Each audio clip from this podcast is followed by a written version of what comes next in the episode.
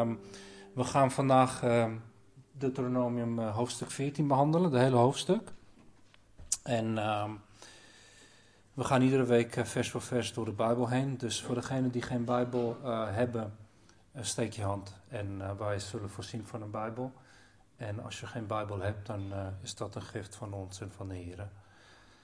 Um, we zijn um, een tijdje terug uh, begonnen aan, uh, aan een nieuw deel van uh, Deuteronomium. Um, en het is een nieuw deel van de toespraak van Mozes ehm, aan het volk, of naar het volk. en zoals Joanny ook belicht had, vanaf ongeveer hoofdstuk 13 hebben we veel te maken met regels en, en gedragscodes. Um, en vanaf dat punt ongeveer gaan we te maken hebben met ook, uh, wat ook wel genoemd wordt um, de ceremoniële wet. Dus dat zijn de reinigings- en uh, spijswetten onder andere. Um, en toen we door de tien geboden zijn gegaan, hebben we ook vaak gezien uh, dat het gebod veel dieper gaat dan wat we op eerste instantie uh, op papier kunnen lezen. De geboden moeten ons laten zien en, en, uh, en het volk van Israël hoe heilig God is en hoe verdorven ons uh, hart is. Uh, het had Israël moeten laten zien dat ze hun redding niet konden verdienen. Um, en als we, als we puur kijken naar het eerste gebod, laten we dat als voorbeeld nemen. U zult geen andere goden voor mijn aangezicht hebben. Um, je zou denken op eerste instantie dat wij christenen vandaag de dag en Israël toen de tijd hier niet aan schuldig, uh, dat we hier, hier ons niet aan schuldig maken. Want uh, we weten uh, allemaal tenslotte dat er één God is. Um, maar het gebod gaat dieper dan dat. Het gaat over waar je God in je leven plaatst. Um, want Als er maar iets is wat belangrijker is dan hem, is dat onze afgod. Um, en een ander voorbeeld is het zesde gebod. Um, u zult niet doodslaan. En uh, u zult niet doodslaan gaat niet alleen om het ontnemen van iemands leven, maar begint al bij haat voor iemand. Uh, onze Heer zei dat je broeder haten met hetzelfde, uh, hetzelfde wordt be beoordeeld als je broeder doodslaan.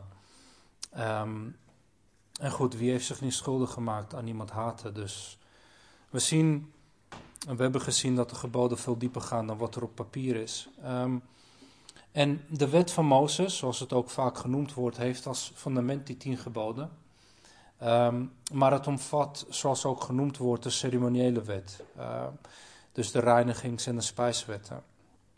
En dat is wat wij in de komende weken zullen behandelen. En die we ook teruglezen in Leviticus en andere boeken van de Torah. Um, en zoals we ook eerder hebben verteld, um, de wet was bedoeld als leermeester. Uh, het was nooit bedoeld als zaligmaking, um, want dat is niet mogelijk. ik weet niet of jullie dit kunnen lezen. maar laten we kijken wat Paulus hierover schrijft in Galaten 3. Um, Galaten 3, vers 19 tot en met 29. Schrijft Paulus: Waarom, waartoe dient dan de wet? Zij is eraan toegevoegd omwille van de overtredingen, totdat het nageslacht zou gekomen zijn aan wie het beloofd was. En zij is door engelen in de hand van de bemiddelaar uh, beschikt. En de middelaar is niet middelaar van een partij, maar God is één. Is er dan de wet, is dan de wet in strijd met de beloften van God? Volstrekt niet. Want als er een wet gegeven was die in, staat was leven te maken, zou, eh, dan zou de gerechtigheid werkelijk uit de wet zijn. Maar de schrift heeft alles onder de zonde opgesloten, opdat de belofte aan de gelovigen gegeven zou worden door het geloof in Jezus Christus. Voordat het geloof echter kwam, werden wij door de wet bewaakt als gevangenen opgesloten, totdat het geloof geopenbaard zou worden. Zo is dan de wet onze leermeester geweest tot Christus, opdat wij uit het geloof gerechtvaardigd zouden worden. Maar nu het geloof gekomen is, zijn wij niet meer onder een leermeester, want u bent allen kinderen van God door het geloof in Christus Jezus. Want u allen die in Christus gedoopt bent, hebt zich van Christus bekleed. Daarbij is het niet van belang dat men Jood is of Griek. Daarbij, uh, daarbij is het niet van belang dat men slaaf is of vrije. Daarbij is het niet van belang dat men man is of vrouw, want allen bent u één in Christus Jezus. En als u van Christus bent, dan bent u Abrahams nageslacht en overeenkomstig de belofte erfgenamen. Um, dus zoals we lezen, de wet was een leermeester uh, tot Christus. En fundamenteel, zoals Paulus ook schrijft, zijn we niet meer onder een leermeester. Um, maar we zijn bekleed met Christus. Christus is de vervulling van de wet. En onze geloof in Hem heeft ons gerechtvaardigd en verzoend uh, tot God de Vader. En dit betekent niet dat wij ons niet aan de wet houden. Um, nee, het is juist omdat, wij, omdat Christus de vervulling van de wet is en wij ons met Hem bekleed zijn, handelen volgens de wet. Um, maar we kijken wel naar wat onze Heer heeft gezegd over bijvoorbeeld de ceremoniële wetten. Uh, en, en diverse van deze geboden en bepalingen die we in de komende maanden gaan, uh, gaan behandelen. En we kijken naar wat zijn woord hierover te zeggen heeft. En dan ontdekken we dat vele van deze bepalingen, uh, van deze geboden, um, niet van toepassing zijn voor ons in het nieuw verbond. Um, dus laten we de tekst lezen, uh, bidden en kijken wat, uh, wat de Heer tot ons wilt spreken.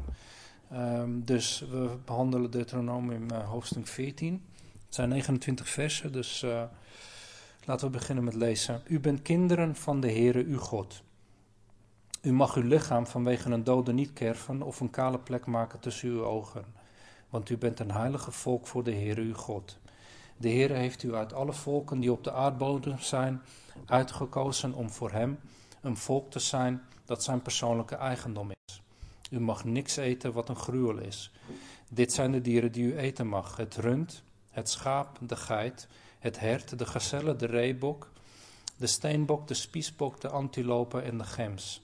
Alle dieren die gespleten hoeven hebben, waarvan de hoeven in twee gespleten zijn, en die bovendien bij de dieren horen die herkauwen, mag u eten. Maar de volgende die alleen herkauwen, of die alleen gespleten hoeven hebben, mag u niet eten. De kameel, de haas en de kliptas. Zij herkauwen immers wel, maar hebben geen gespleten hoeven, zij zijn voor u onrein. Zo ook het varken, want dat heeft wel gespleten hoeven, maar het herkauwt niet. Het is voor u onrein, want hun vlees mag u niet eten en hun kadavers mag u niet aanraken. Dit mag u eten van alles wat in het water leeft. Alles wat vinnen en schubben heeft, mag u eten. Maar alles wat geen vinnen en schubben heeft, mag u niet eten. Het is voor u onrein. Alle reine vogels mag u eten. Maar dit zijn de vogels waarvan u niet mag eten: de arend, de lammergier, de monniksgier, de buizer, de kiekendief en elk soort waal. Elk soort raaf, de struisvogel, de velduil, de meeuw, elk soort valk de steenaal, de randsaal, de kerkaal, de kraai, de aasgier, de visarend, de ooievaar en elk soort reiger, de hop en de vleermuis. Ook alle gevleugelde insecten zijn voor u onrein, ze mogen niet gegeten worden. Alle reine gevleugelde dieren mag u eten. U mag geen enkel kadaver eten. Aan de vreemdelingen die binnen uw poorten is, mag u het geven om het te eten, of verkoop het aan een buitenlander, want u bent een heilig volk voor de Heere uw God. U mag een bokje niet koken in de melk van zijn moeder. Voor het um, van, heel het, uh, sorry. van heel de opbrengst van uw zaad, wat het veld jaar op jaar voortbrengt, moet u getrouw het tiende deel geven. Voor het aangezicht van de Heer uw God op de plaats die hij zal uitkiezen om zijn naam daar te laten wonen, moet u de tienden van uw koren, van uw nieuwe wijn en van uw olie, en de eerstgeborenen van uw runderen um, en van uw klein vee eten, om de Heer uw God te leren vrezen alle dagen. Als de weg voor u te lang is, zodat u dat alles niet kunt meenemen, omdat de plaats die de Heer uw God zal uitkiezen om zijn naam daar te vestigen te ver bij u vandaan is, dan moet u, wanneer de Heer uw God u gezegend heeft, het te gelden maken, het geld in een buidel meenemen en naar de plaats gaan die de Heer uw God zal uitkiezen. Daar moet u dat geld besteden aan alles wat uw ziel verlangt: runderen en kleinvee, wijn en sterke drank. Ja, alles wat uw ziel maar wenst. Uh, dan kunt u daar eten voor het aangezicht van de Heer uw God en u verblijden u en uw gezin. Daarbij mag u de leviet die binnen uw poorten is, niet in de steek laten. Hij heeft immers geen aandeel of erfelijk bezit samen met u. Om de drie jaar moet u alle tienden van uw opbrengsten van dat jaar brengen en opslaan binnen uw poorten. Dan kan de leviet komen. Hij heeft immers geen aandeel of erfelijk bezit samen met u. En de vreemdeling, de wees en de weduwe die binnen, uw, eh, die binnen uw poorten zijn. En kunnen zijn eten en verzadigd worden. Opdat de Heer uw God u zegent in al het werk dat u doet.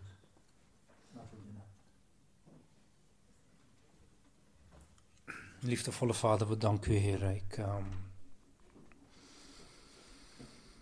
Heer, wij hebben uw geest nodig om uh, te begrijpen wat u uh, tot ons wilt spreken vandaag, Heer. Om te beseffen wat, um, wat de bedoeling was van, uh, van uw wetten voor het volk van Israël, Heer, het 3000 jaar geleden, Heer. En, Heer, geef ons inzicht, Heer, alstublieft. Help ons alstublieft om uw tekst te begrijpen. En... Um, ja, Heer, we houden van u. We bidden in Jezus' naam. Amen. Um, Mozes begint deze hoofdstuk met: uh, U bent kinderen van Yahweh, uw God. En broeders en zusters, Mozes spreekt deze woorden tot Israël zo'n 3500 jaar geleden. En wat ooit uh, een realiteit was voor het Joodse volk, dat in het vlees afkomstig uh, was van Abraham, Isaac en Jacob, is uh, sinds de dood en opstanding van onze Heer Jezus Christus ook een realiteit voor ons geworden. Wij zijn kinderen van Yahweh, onze God. En alle beloftes, de belofte van verzoening, de belofte van een nieuwe hemel en aarde, ehm, de belofte van eeuwig leven met een onvergankelijke lichaam, onze status tot God. Uh, de vrijmoedigheid die we hebben om, het, om onze vader te naderen. Alles geldt niet, niet alleen voor het nageslacht van Jacob, maar geldt ook voor ons vandaag de dag. Uh, wij zijn samen met het Joodse volk ingeënt in het boom van Israël. Wij de wilde takken maken deel nu uit van de tamme boom. En we zijn samen met het nageslacht van Jacob um, de ware Israël geworden. Um, Paulus schrijft het volgende in, in Romeinen. Um, immers, zoveel, uh, zoveel als er door de geest van God geleid worden, die zijn kinderen van God. Want u hebt niet de geest van slavernij ontvangen die opnieuw tot angst leidt, maar u hebt de geest van aanneming, uh, aanneming tot kinderen ontvangen, door wie wij roepen Abba Vader. De geest zelf getuigt met onze geest dat wij kinderen van God zijn. En als wij kinderen zijn, dan zijn wij ook erfgenamen. Erfgenamen van God en mede-erfgenamen van Christus. Wanneer wij althans met Hem lijden, opdat we ook met Hem vereerlijkt worden. Um, wij behoren tot de familie van God. Um, zijn geest getuigt met onze geest dat wij zijn kinderen zijn en dat we Hem Vader kunnen noemen.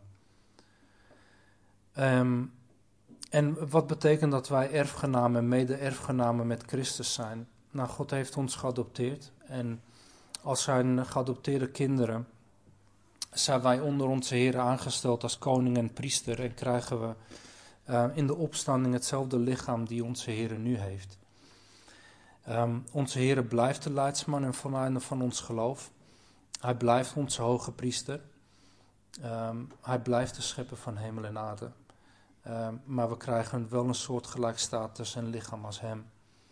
En broeder en zuster, beseffen hoe bevoorrecht we zijn om zijn kinderen te zijn. Staan we hierbij stil. En beseffen we ook dat er zoveel mensen zijn om ons heen die geen kinderen van God zijn. Um, miljarden mensen die nu op deze aardebol leven en rondlopen, vervreemd van het burgerschap van Israël. Um, ik, heb, ik heb de paus een keer horen zeggen dat de mensheid in zijn algemeen een kind van God is. Um, dat we allemaal kinderen van God zijn, ongeacht je in Jezus gelooft of niet. Nou ja, dat statement is gevaarlijk en, en vooral een leugen, want zijn woord vertelt ons iets anders. Um, Romeinen 8:14 leert ons immers zoveel als er door de geest van God geleid worden, die zijn kinderen van God. Dat hebben we net gelezen. Um, en wie worden door de geest van God geleid? Um, dan diegenen die opnieuw uit water en geest geboren zijn. Onze Heer zei tegen Nicodemus in Johannes 3, vers 3. Jezus antwoordde, zei tegen hem, voorwaar, voorwaar, ik zeg u, als iemand niet opnieuw geboren wordt, kan hij het koninkrijk van God niet zien. En verder in, vers 5 zegt uh, onze Heer Jezus, voorwaar, voorwaar, ik zeg u, als iemand niet geboren wordt uit water en geest, kan hij het koninkrijk van God niet binnengaan. Want uit het vlees geboren is, is vlees. En wat uit de geest geboren is, is geest. En eerder in, uh, in dezelfde brief uh, schrijft Johannes onder leiding van de Heilige Geest het volgende. Maar allen die hem aangenomen hebben, hun heeft hij macht gegeven kinderen van God te worden, namelijk die in zijn naam geloven. Dus we zien hier duidelijk. De mens wordt een kind van God door zijn of haar geloof in Jezus Christus. De mens wordt een kind van God doordat ze door het geloof in Christus gerechtvaardigd zijn. Ze zijn schoongewassen door zijn bloed, die op het kruis gevloeid heeft. Ehm, je bent niet automatisch een kind van God bij je geboorte. Je wordt een kind door je reddende geloof in Jezus Christus. En je gaat vanaf dat moment herkennen dat God je vader is en, en, en je gaat vanaf dat moment leven voor Hem. Um, hem behagend in alles wat je doet. En dus we moeten tegen deze leugen dat iedereen een kind van God is, um, moeten we iets mee. We moeten daar tegen vechten, want het is duidelijk niet het geval. En deze leugen leidt zoveel mensen het afgrond in. En um, het is onze taak als, als lichaam van Christus om, om met liefde en geduld mensen het evangelie uit te leggen. Um, we horen hen de weg naar zaligheid uit te leggen. Um, ja, nogmaals, het is een van de taken die wij toebehoord hebben gekregen van de Heer. En daar dienen we dus serieus mee om te gaan. Dus alleen door geloof word je een kind van God. En niet omdat je toevallig geboren bent in een familie die gelooft. Of omdat je een kind van Jacob bent. Of omdat je als kind gedoopt bent. Of je zogenaamd aan de tien geboden houdt. Nee, het komt alleen door het geloof. Um, en zoals we al weten, is, is reddend geloof een gave van de Heer. Um, God heeft voor de grondlegging van de aarde, door zijn voorkennis, uh, ons verkozen om zijn kinderen te zijn. En, en zoals God ons verkozen heeft, had God ook dit, dit volk verkozen. Het volk van Israël um, is zijn eigendom. En aan hun werd de getuigenis van God toevertrouwd. Um, de kinderen van Israël hadden een getuigenis voor God voor de wereld moeten zijn. Um, God had hun verkozen ongeacht hun ongehoorzaamheid. En ongeacht de volkennis die hij had, dat ze zijn zoon zouden verwerpen. Um, God wist dat dit volk achter andere goden aan zouden gaan. Eh, God wist dat ze uiteindelijk de grootste misdaad zouden begaan door hun Messias te doden op het kruis. En dat werd hun ook vergeld door de uiteindelijke vernietiging van, uh, en verwoesting van Jeruzalem en de tempel in 70 AD. Maar ongeacht al deze dingen had eh, God gekozen om dit volk lief te hebben. En we moeten hierbij stilstaan, want dit laat heel veel zien van het karakter van God. Het laat zien hoe goed hij is. Het laat zien hoeveel liefde hij heeft. Hoe geduldig hij is. Hoe barmhartig en, uh, en genadevol hij is. En zoals God Israël had uh, verkozen, zo heeft God ons ook verkozen door zijn voorkennis. Um, hij heeft ons verkozen om zijn kinderen te worden. Ondanks de dingen die we gedaan hebben, ondanks de rebellie die er in ons hart leefde, en wellicht vandaag de dag ook leeft. Ondanks de hoogmoed, ondanks de verhardheid van onze hart, uh, ondanks de afschuwelijke dingen die we gedaan hebben om Hem te lasteren, heeft God ons lief gehad en is Hij voor ons op het kruis gestorven. hoe goed is God en laat dit niet ontzettend veel zien hoe groot zijn liefde is. En het is een bevoorrecht, broeders en zusters, om kinderen van God genoemd te worden. Dit moet onze hele wandel en leven leiden. Iedere beslissing die we maken moet gedreven worden door het feit dat wij zijn kinderen zijn. We zijn nu in Christus een getuigenis voor Hem geworden. En wat ooit een taak was voor alleen de kinderen van Jacob, is nu onze taak geworden. En um, hoe gaan we hiermee om? Ontfermen we ons over de mensen naast ons die vervreemd zijn van de burgerschap van Israël? En ontfermen we ons over de mensen die geen kinderen van God zijn? Laten we verder gaan.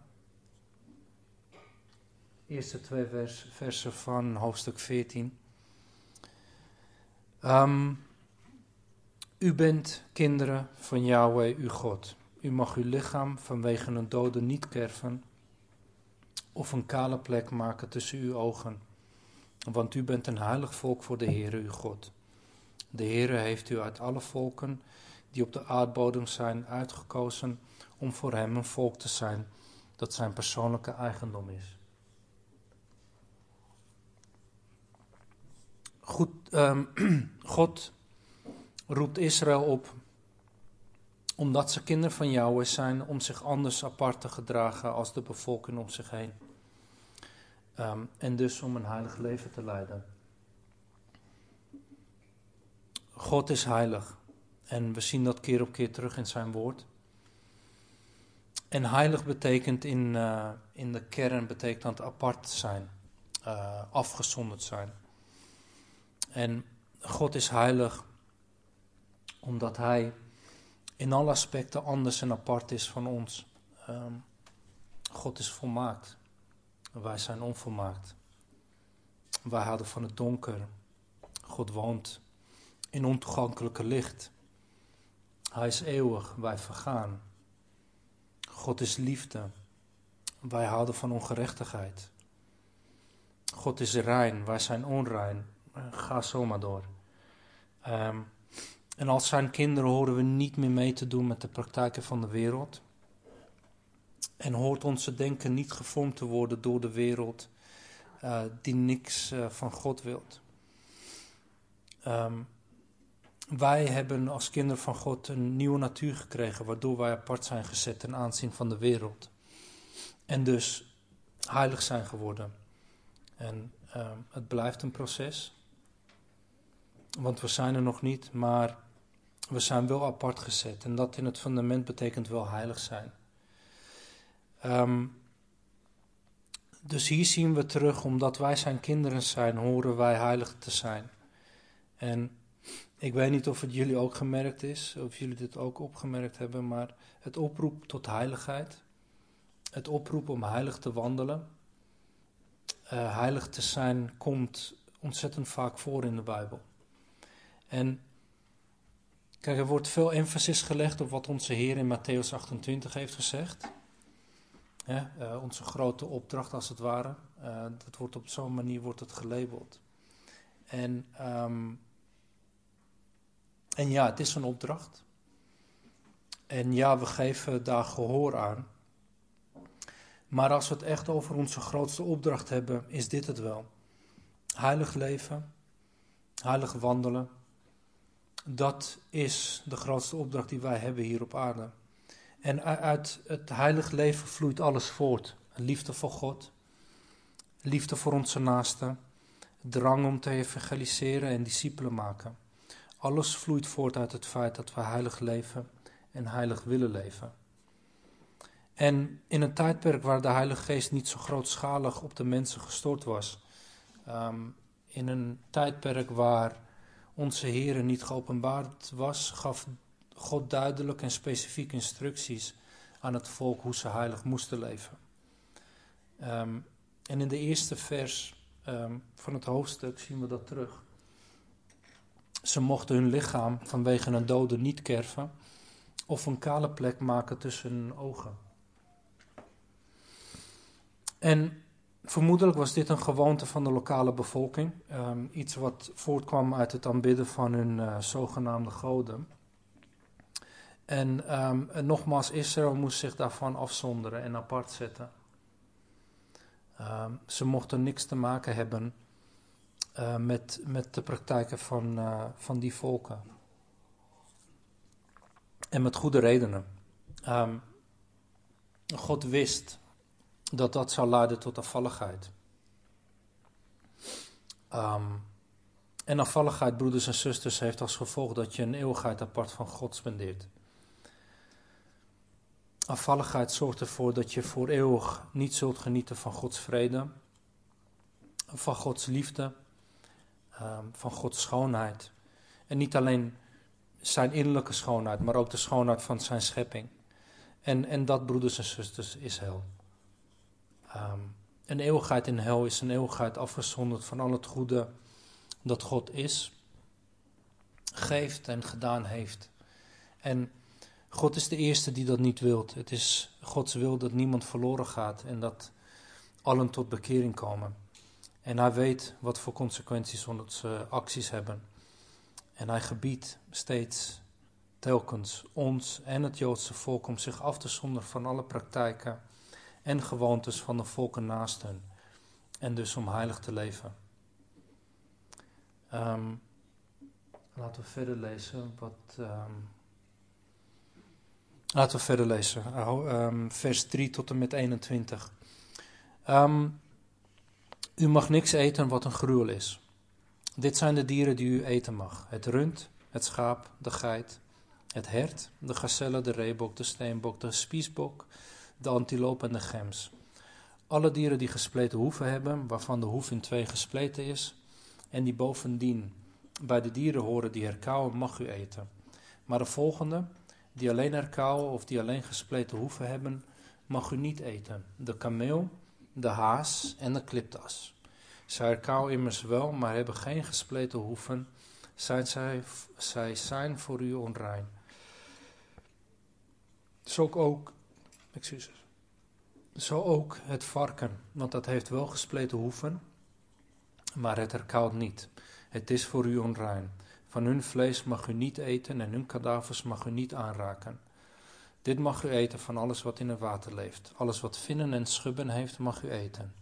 Maar alles wat geen vinnen en schubben heeft, mag u niet eten. Het is voor u onrein.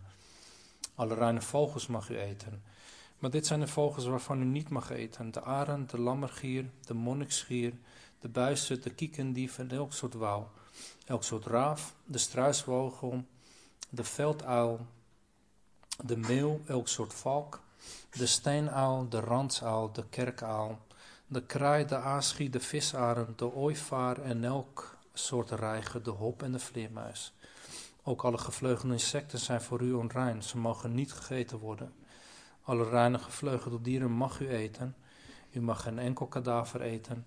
Aan de vreemdeling die binnen uw poorten is, mag u het geven om het te eten. Of verkoop het aan een buitenlander, want u bent een heilig volk voor de Heer uw God.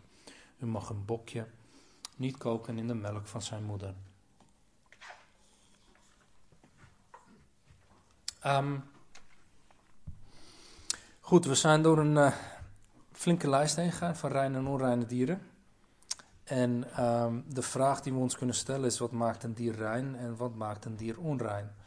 Nou, ik, ik beken, het is geen hele originele vraag. Uh, hele vele mensen door de eeuwen heen hebben zich hiermee bezig gehouden. En ik moet ook bekennen, het is geen duidelijk antwoord. Um, maar het blijft toch een legitieme vraag waar wat aandacht verdient. Dus laten we samen hier naar kijken. Um, um, en het eerste wat wellicht voor vele mensen in het Westen opvalt, is het varken. Uh, het is namelijk uh, vlees wat veel gegeten wordt. Um, en nou ja, wat weten we van een varken? Een varken die uh, wil niks lievers doen dan eten en in modder rollen. Dus een van de, ja, hoe zou zeggen, theorie is dat het iets met hygiëne te maken heeft. Of hebzucht. Maar goed, als we naar de lijst kijken, uh, er zijn dieren die onrein zijn en die niet in de modder uh, rollen. Uh, bijvoorbeeld een kameel of een kliptas of een wat lazen we? Een haas of een paard, wat niet op deze lijst staat, maar goed, die behoort ook tot de onreine dier. Nou, dat, dat zijn niet specifieke, zeg maar, uh, ja, smerige dieren. Of in ieder geval niet smeriger dan een koe of een schaap. Um, dus goed, um, hygiëne is, uh, is, is niet wat een dier rein of onrein maakt. Of tenminste niet alleen. Um, maar als we verder kijken naar de lijst, zien we, zien we wel iets opmerkelijk. Alle reine dieren, uh, en vooral alle uh, landreine dieren, zijn allemaal herbivoren, dus planteters. En wellicht had dat te maken met het feit dat bloed het levenskracht van een dier en een mens is. Uh, en dat door het eten van, van bloed en vlees, dat, uh, dat die dieren onrein uh, waren. Dat is een mogelijkheid en dat is een goede uitleg. Het, het, is namelijk zo, we denken, als we, als we naar de scheppingsverhaal lezen in Genesis, dan zien we dat, dat de dieren in het Hof van Eden alleen gewas at. Um, dus alle dieren voor de val waren vegetarisch. En we weten ook van een tijdperk waar de lam met het uh, wolf uh, slaapt. Dus het lammetje wordt niet meer gegeten door, door een wolf. Um, dus goed, zit het daarin? Zit het, is, de, is, de, is de onderscheid, heeft het te maken met herbivoren en carnivoren? Maar dat kan het ook niet 100% zijn, want um, we zien bijvoorbeeld in vissen, uh, vissen met vinnen en schubben, die eten ook andere vissen. Dus dat kan het ook niet zijn. Het kan niet puur een onderscheid zijn tussen planteters en vleeseters. Goed, heeft het ermee te maken? Ongetwijfeld. Heeft het iets met hygiëne te maken? Ongetwijfeld.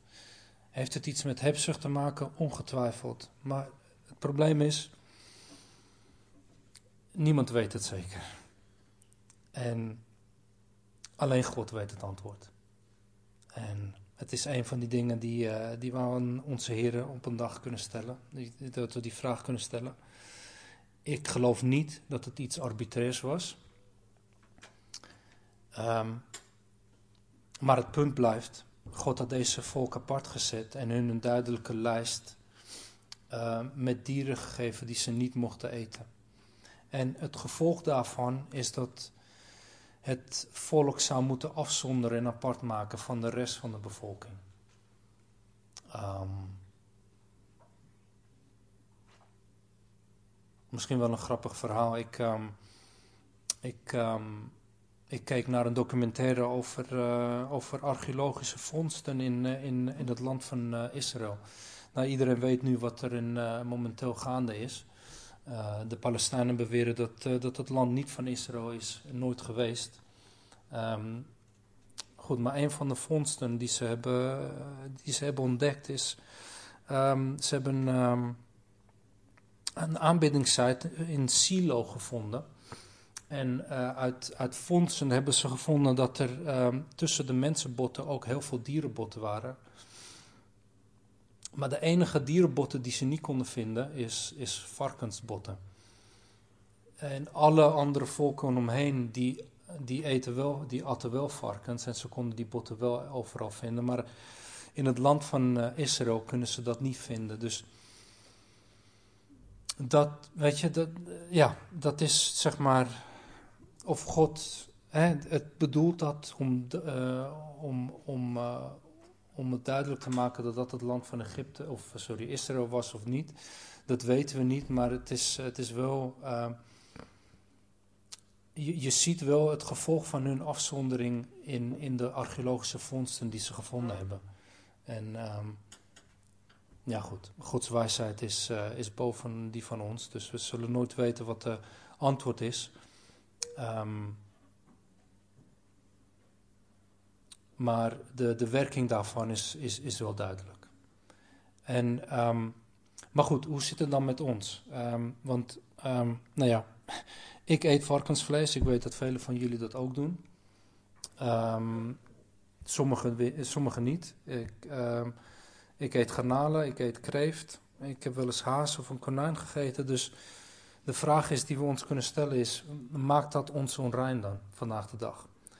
Ehm, en het simpele antwoord is nee. En daarvoor wil ik jullie uh, meenemen naar een paar uh, versen. Um, Marcus 7, uh, vers 18 tot en met 23. De Heer die spreekt.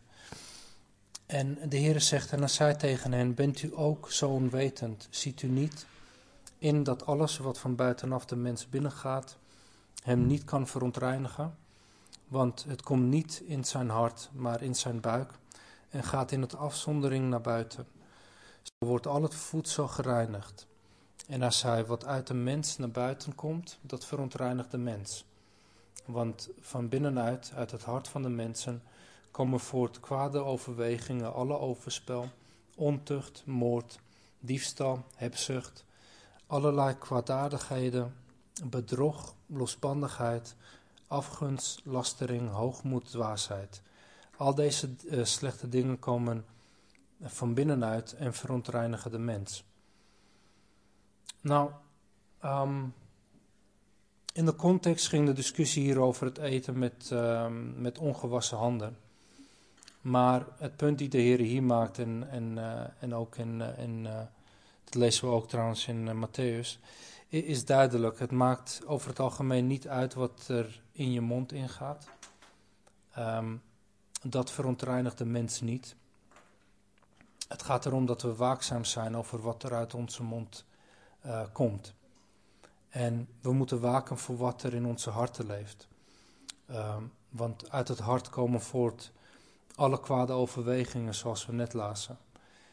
Um, en om, om, uh, om de punt te, verder te belichten, wil ik uh, met jullie uh, wat, wat meer schriftgedeelte lezen.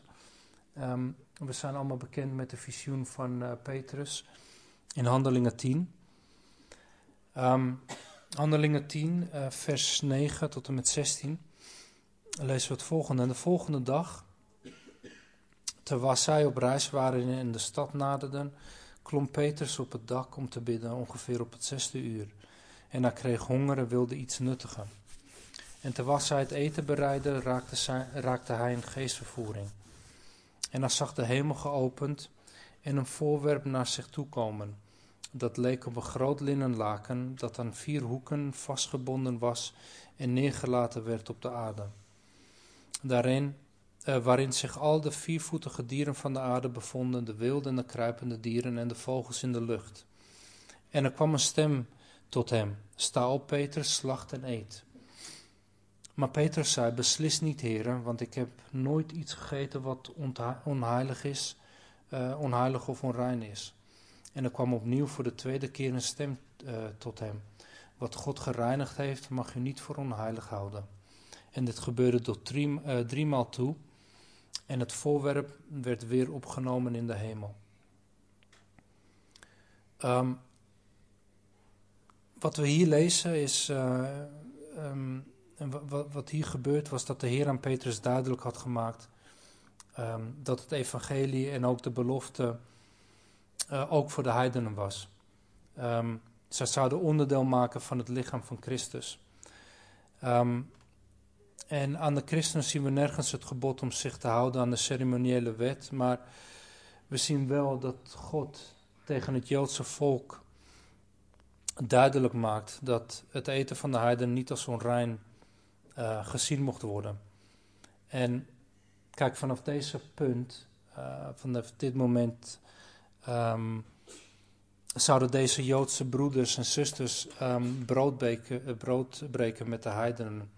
En, en God zegt dus duidelijk dat het voedsel van de heidenen um, nogmaals niet als onrein gezien mocht worden. Um, Paulus schrijft ook het volgende in 1 Timotheus 4. Um, ehm, maar de geest zegt uitdrukkelijk dat in latere tijden sommigen afvallig zullen worden van het geloof en zich zullen wenden tot misleidende geesten en leringen van demonen, door huichelarij van leugenaars die hun eigen geweten als met een brandijzer hebben toegeschroeid. Zij verbieden zich, of zij, zij verbieden te trouwen en gebieden zich te onthouden van voedsel dat God geschapen heeft voor de gelovigen en voor hen die de waarheid hebben leren kennen en onder dankzegging aanvaard te worden. Want alles wat God geschapen heeft, is goed en niks is verwerpelijk. Um, wanneer het onder dankzegging aanvaard wordt. Want het wordt geheiligd door het woord van God en door het gebed. Laatste. Um, Romeinen 14. Ik ben, ik weet en ben ervan overtuigd in de Heer Jezus dat niks in zichzelf onrein is. Alleen voor hem die van mening is dat iets onrein is, voor die is het onrein.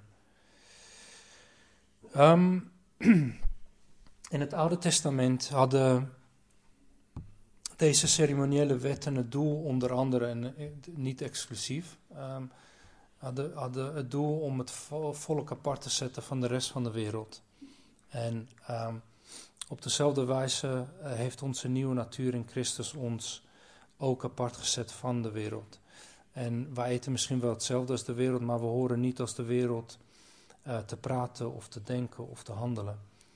Um, wij hoeven ons niet aan de voedselwetten te houden, omdat we Christus hebben. En uh, Christus is diegene die ons apart zet van de rest van de wereld. En ja, zoals we ook gelezen hebben, Christus zegt, heeft gezegd dat, dat niet wat onze mond binnengaat ons onrein maakt, maar wat er, ons, uh, wat er in ons uh, hart leeft.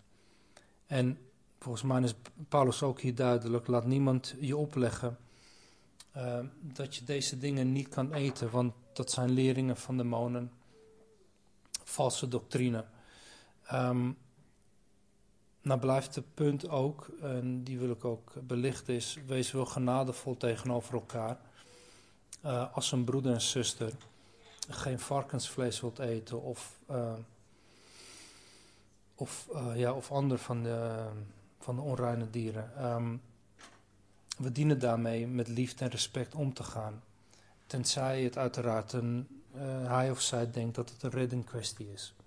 En dan horen we die broeder en zuster uh, te corrigeren daarin. Um,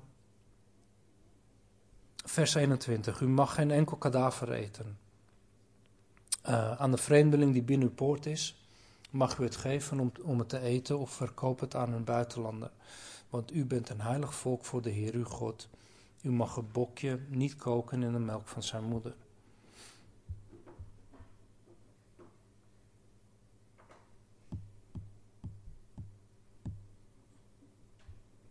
Um, ik weet zeker dat hier niet gezegd wordt om een uh, kadaver te verkopen die um, dagenlang aan het verteren was. Um, God is simpelweg aan het zeggen: wordt een van je dieren door een ander dier, nou, bijvoorbeeld gedood, of door honger of door dorst, ja, gedood, mag je dat kadaver verkopen aan een vreemdeling. Um, Israël mocht niet eten uit dieren die niet door hun eigen handen gedood waren. En dit is de simpelste uitleg van deze vers. En nogmaals benadrukt God dat deze dingen niet opgelegd, of tenminste, uh, sorry, um, God benadrukt deze dingen um, uh, omdat ze, ze zijn opgelegd omdat ze een heilig volk zijn voor de Heer. Een volk dat apart is gezet van al de andere volken om zich heen. Um, en waarom de bokje niet in het melk van zijn moeder gekookt mag worden, is niet heel duidelijk. Dit had of te maken met de praktijken van de Canaanieten met betrekking tot het aanbidden en offers maken naar hun goden. Of uh, simpelweg uit het oogpunt dat het melk de levensbron van zo'n bokje was. En nu gebruikt werd om dat dier als voedsel voor te bereiden. Um, nou ja, niet duidelijk, maar wat duidelijk is, is dat ze beide een gruwel voor God zijn. En, um, en mocht niet gedaan worden. Um, ik weet niet of ik dit heb. Ja. Um, tweede deel van deze hoofdstuk gaat over uh, tiende geven. Uh, laten we deze versen samen lezen en dan, uh, en dan behandelen. Um, vers 22 tot en met 29. Van heel de opbrengst van uw zaad, van het veld jaar op jaar, wat het veld jaar op jaar voortbrengt, moet u getrouw het tiende deel geven. Voor het aangezicht van de Heer uw God, op de plaats die hij zal uitkiezen om zijn naam daar te laten wonen, moet u de tiende van uw koren, van uw nieuwe wijn en van uw olie, en de eerstgeboren van uw runderen en van uw kleinvee eten, om de Heer uw God te leren vrezen alle dagen. Als de weg voor u te lang is, zodat u dat alles niet kunt meenemen, omdat de plaats die de Heer uw God zou uitkiezen om zijn naam daar te vestigen te ver van u, bij u vandaan is, dan moet u, wanneer de Heer uw God u gezegend heeft, het te gelden maken, het geld in een buidel meenemen en naar de plaats gaan die de Heer uw God zal uitkiezen. Daar moet u dat geld besteden aan alles wat uw ziel verlangt, runderen en kleinvee, wijn en sterke drank, ja alles wat uw ziel maar wenst. Dan kunt u daar eten voor het aangezicht van de Heer uw God en u verblijden, u en uw gezin. Daarbij mag u de leviet die binnen uw poorten is, niet in de steek laten. Hij heeft immers geen aandeel of erfelijk samen met u. Om de drie jaar moet u alle tienden van uw opbrengst van dat jaar brengen en opslaan binnen uw poorten. Dan kan de leviet komen, hij heeft immers geen aandeel of erfelijk bezit samen met u, en de vreemdeling, de wees en de weduwe die binnen uw poorten zijn, en kunnen zij eten en verzadigd worden, opdat de Heer uw God u zegent in al het werk dat u doet. Um, de reden dat wij aan jullie niet opleggen om een tiende deel te geven, is omdat het simpelweg nergens in de Bijbel staat beschreven dat het moet. Um, we hebben samen deze versen gelezen en je kan dit niet gebruiken om zoiets op je gemeente op te leggen. Um, wat deze versen ons wel uh, leren is om een blijmoedig gever te zijn. Uh, dit hoort ons aan te sporen om te herkennen dat alles wat we hebben van Hem afkomst. En daardoor horen we ook onze zegeningen te delen. Um, het gebod wat God aan de gaf, was om ieder jaar een tiende van de opbrengsten op te eten. Uh, nogmaals, op te eten. Dus dat was het gebod. Um, en de Israëlieten zouden een tiende van hun opbrengsten opeten in Jeruzalem. Met, met zijn hele familie. En de leviet. Um, en een tiende van je product in, in geval van iemand met veel land uh, is sowieso veel. Dus uh, um, dat allemaal opeten was, was, nou, was niet mogelijk. Dus, maar de bedoeling was wel om de maaltijd met je familie te benuttigen, met de leviet. En wellicht het overschot uh, aan de leviet te overlaten. Um, en, en dit gebod was niet alleen voor de wat, wat rijkere mensen tussen hun, of met mensen met veel land, maar het gebod go, um, gold ook voor alle andere, uh, voor het hele volk. Dus ook de mensen die, uh, die weinig land hadden. En het is makkelijk om te delen als je veel hebt. Uh, maar het laat pas zien wat voor hart je hebt als je, als je weinig hebt. En toch het, hetgene wat je hebt, dat met je naaste deelt. En uh, dit moet me denken aan, aan toen de Heer met zijn discipelen. Um, het verhaal lezen we in Marcus 12. Um, we zien de Heer die ziet een arme weduwe uh, die, die geld in een schatkist uh, wierp. En deze weduwe gaf alles wat ze had. En de rijke mensen die gaven veel meer. Maar dat was voor hun maar een deel van hun rijkdom. En deze arme weduwe had niks. En het niks wat ze had, gaf ze. En um, ja, dat laat, dat laat zien wat voor hart ze had. En Jezus had maar goede woorden voor haar. En broeder, zuster, God voorziet in alles uh, wat we hebben, of we nou veel of weinig hebben. En daardoor horen we ten eerste Hem te danken en te prijzen.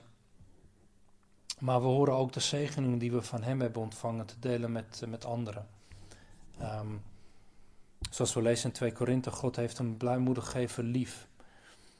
En dat daad van, uh, van geven zal ook uh, vergeld worden.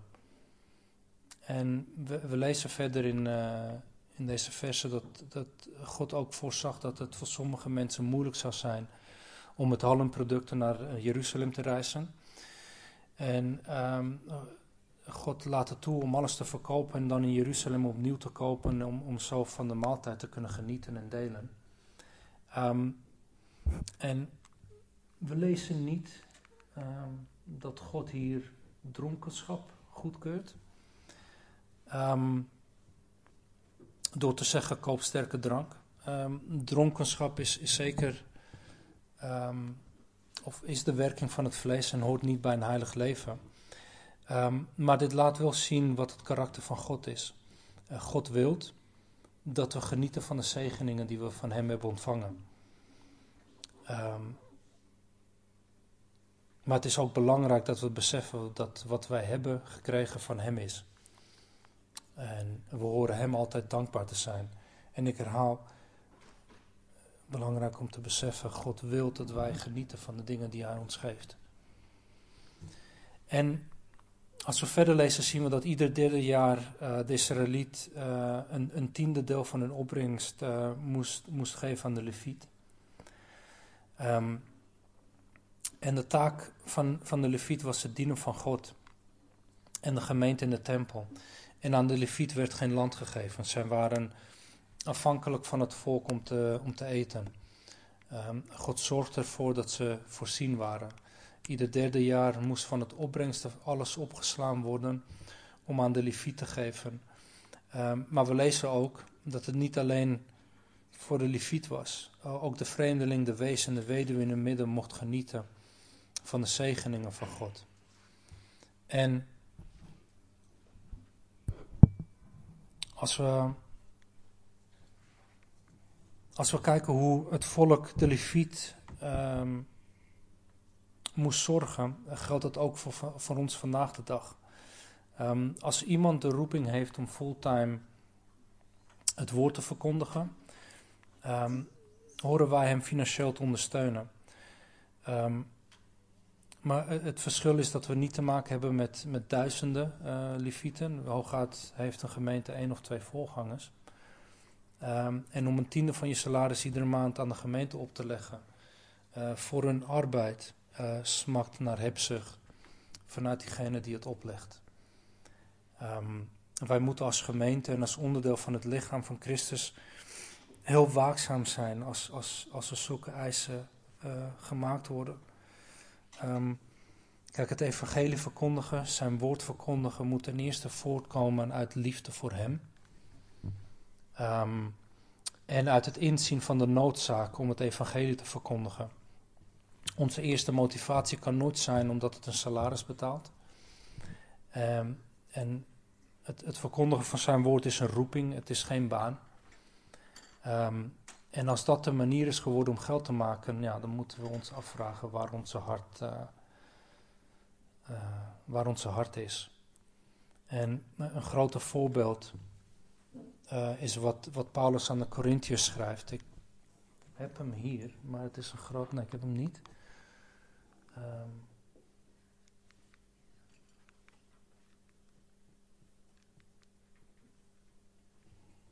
hoe ga ik terug?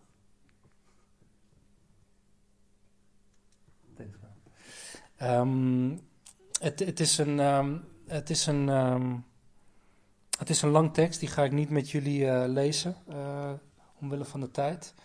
Het is 1 Korinthe 9, uh, vers 4 tot en met 18. om, om samen te vatten, Paulus die schrijft aan de Corinthiërs dat hij het recht heeft om te eten en te drinken door het feit dat hij het evangelie verkondigt. Um, hij heeft het recht um, om betaald te worden voor, voor wat hij doet. Um, maar als we, als we het hele tekst lezen, zien we ook aan het einde, ondanks het feit dat Paulus wist dat hij het recht had, dat hij niks wou weten van een vergoeding. zijn motivatie, de motivaties van Paul, en de motivatie van iedereen die het evangelie verkondigt, moet er puur zijn om het evangelie te verkondigen. Omdat wij noodzaak zien dat mensen het evangelie moeten horen. Wij zien het noodzaak om het woord te verkondigen, om heilig te leven. En dus Paulus zegt ook, zijn motivatie waren puur dat. En hij heeft nooit, um, hij heeft nooit uh, om een vergoeding gevraagd. Um, en kijk, uiteraard, Paulus werd onderdak en eten gegeven. En dus ik denk voor geen enkel moment dat Paulus in armoede leefde. Maar we zien wel wat de motivaties zijn om het evangelie te delen. We zien het hart van onze broeder 2000 jaar geleden. En wij horen als gemeente zorg te dragen voor de opzieners, voor degenen die arbeiden, als daar de noden voor is. Uh, maar zoals we ook zorg moeten dragen voor onze opziener, horen we ook zorg te dragen voor de broeders en zusters die het moeilijk hebben. Um, kijk, de, onze heren zijn, zijn immers dat wij met z'n allen zouden genieten van vele bezittingen, van vele broeders en zusters en moeders. En dus als onderdeel van hetzelfde lichaam horen we zorg te dragen voor elkaar, waar nodig, nogmaals. Um, maar dit geldt niet alleen voor elkaar, zoals ook de Israëlieten deden, zoals God hem oplegde, horen we ook zorg te dragen voor de, nou ja, voor de vreemdeling, voor de wees en voor de weduwe, voor de mensen die het wat moeilijk hebben. En nogmaals, God heeft een blijmoedig geven lief. En zoals onze Heer ook zei, het is zaliger te geven dan te ontvangen. En vooral broeders en zusters, laten we niet vergeten dat alles wat we hebben, uh, materieel, maar vooral ook geestelijk, van Hem afkomt. Dat we het van Hem hebben ontvangen. Uh, we horen niet te roemen op de dingen die we hebben. We kunnen ervan genieten, maar we horen Hem te danken voor alles wat we hebben. Geestelijk en materieel. Amen. Laten we bidden.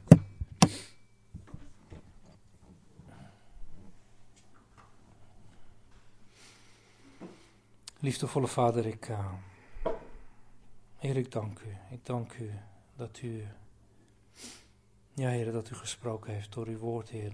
Ik dank u voor de wijsheid en rijkdom van uw woord, Heer. En uh, Heer, ik dank u dat uw woord toereikend is. Heer, ondanks het feit dat het uh, zoveel jaren geleden geschreven heeft, Heer, heeft het invloed, impact op onze leven, Heer. Het vermaant ons, het bouwt ons op. Heer, het laat ons zien hoe wij horen te wandelen. Het laat ons zien wat het betekent om heilig te zijn, Heer, om afgezonderd te zijn van de bevolking, om laat ons zien ja, hoe wij u kunnen behagen, heren. Heer, u bent zo goed, heren. We danken u voor het feit dat u ons geroepen hebt. We danken u voor het feit dat wij uw kinderen mogen zijn. We danken u voor het feit dat wij samen één lichaam zijn, dat we samen één gemeente zijn, heren. Heren, we danken u voor het feit dat ongeacht hoe onvolmaakt wij zijn, heren, dat wij voor u mogen arbeiden, Heer, dat wij uw woord mogen verkondigen, dat wij, Heer, het evangelie mogen delen, Heer. Heer, we danken u daarvoor. We danken u voor het feit dat u dat ons toerust, dat wij uw beelddragers mogen zijn, dat wij uw getuigenis hier op aarde mogen zijn, Heer. En ik bid, zoals er ook vaak gebeden wordt, Heer, dat wij die vrijmoedigheid mogen hebben om, om onze naaste te waarschuwen van, uh, van waar ze zich be uh, bevinden, Heer. Heer, om ze te waarschuwen dat ze opnieuw geboren moeten worden, Heer, om, uh, om uw kinderen te worden. Heer, de, de wereld wil niks anders dan u niet behagen, Heer. De wereld is alleen bezig, Heer, om uw woord te verdraaien, om leugens te verkondigen, Heer. Help ons alstublieft als uw kinderen om uh, daartegen te vechten, Heer. En uh, In liefde, in geduld, door uw woord. Heer, aan de wereld laten zien hoe goed u bent, Heer, hoeveel u van ons houdt. Heer, wat het u gekost hebt aan het kruis. Heer, en wat uw bloed voor ons doet vandaag de dag. Heer, het is zo goed om te weten dat wij ons aan kunnen kleden met uw gerechtigheid, Heer. En uh, dat wij de vrijmoedigheid hebben om tot u te naderen, Heer. Ondanks de domme dingen die we doen, ondanks, ondanks het feit dat wij uh, meer gehoor geven aan onze vlees dan u, Heer. Heer, help ons alstublieft om. Uh,